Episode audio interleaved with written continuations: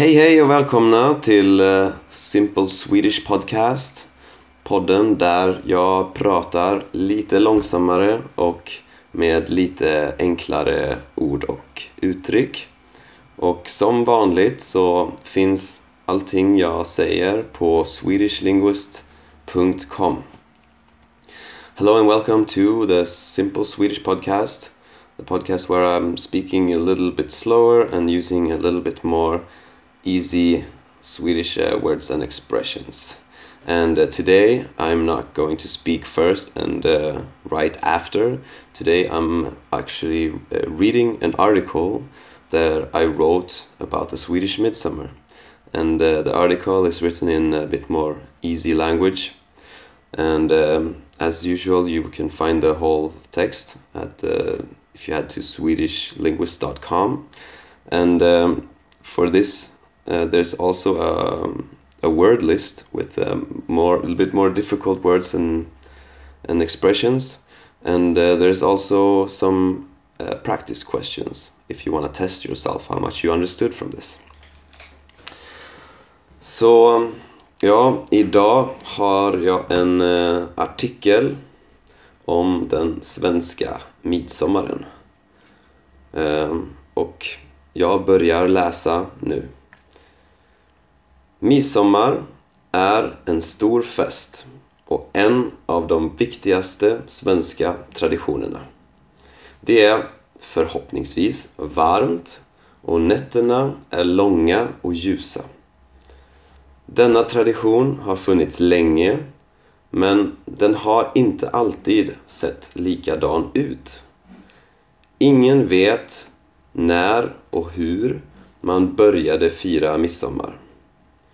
Många tror att midsommarstången och dansen runt den har sitt ursprung i ritualer för fruktbarhet och att själva stången från början är en fallossymbol. Det finns inte mycket bevis för det men det är ändå troligt att man ville fira årets längsta dag och att det hade med fruktbarhet att göra.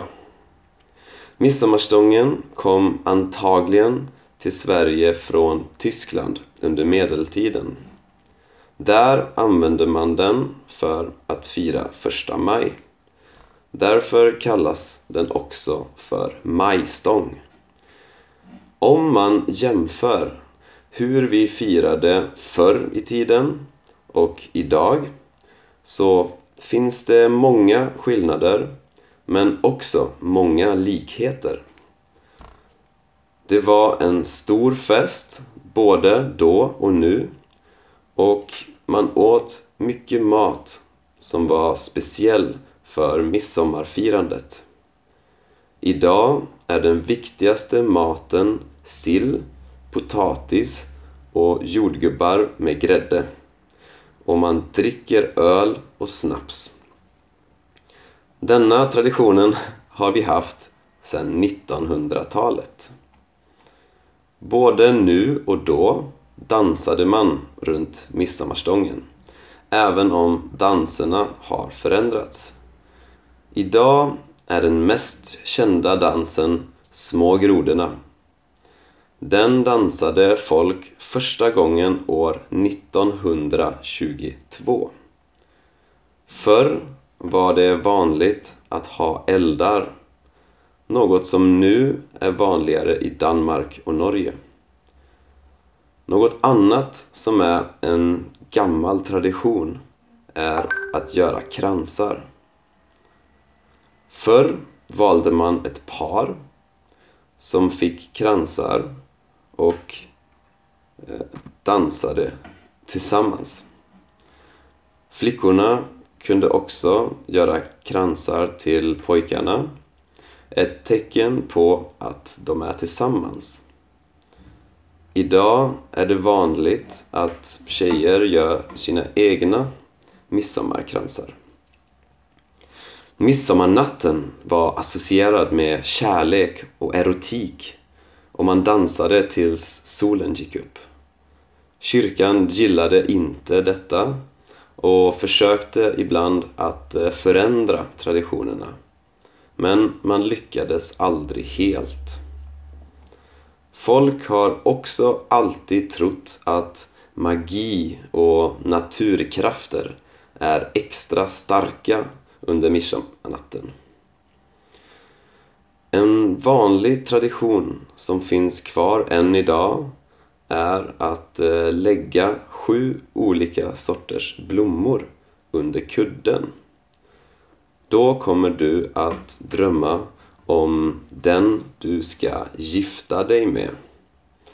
Det är viktigt att vara tyst när du plockar blommorna. Annars fungerar inte magin. En annan metod som inte är så vanlig idag var att eh, äta något väldigt salt och sedan gå och lägga sig och sova utan att dricka. Den man ska gifta sig med kommer då att erbjuda något att dricka i drömmen.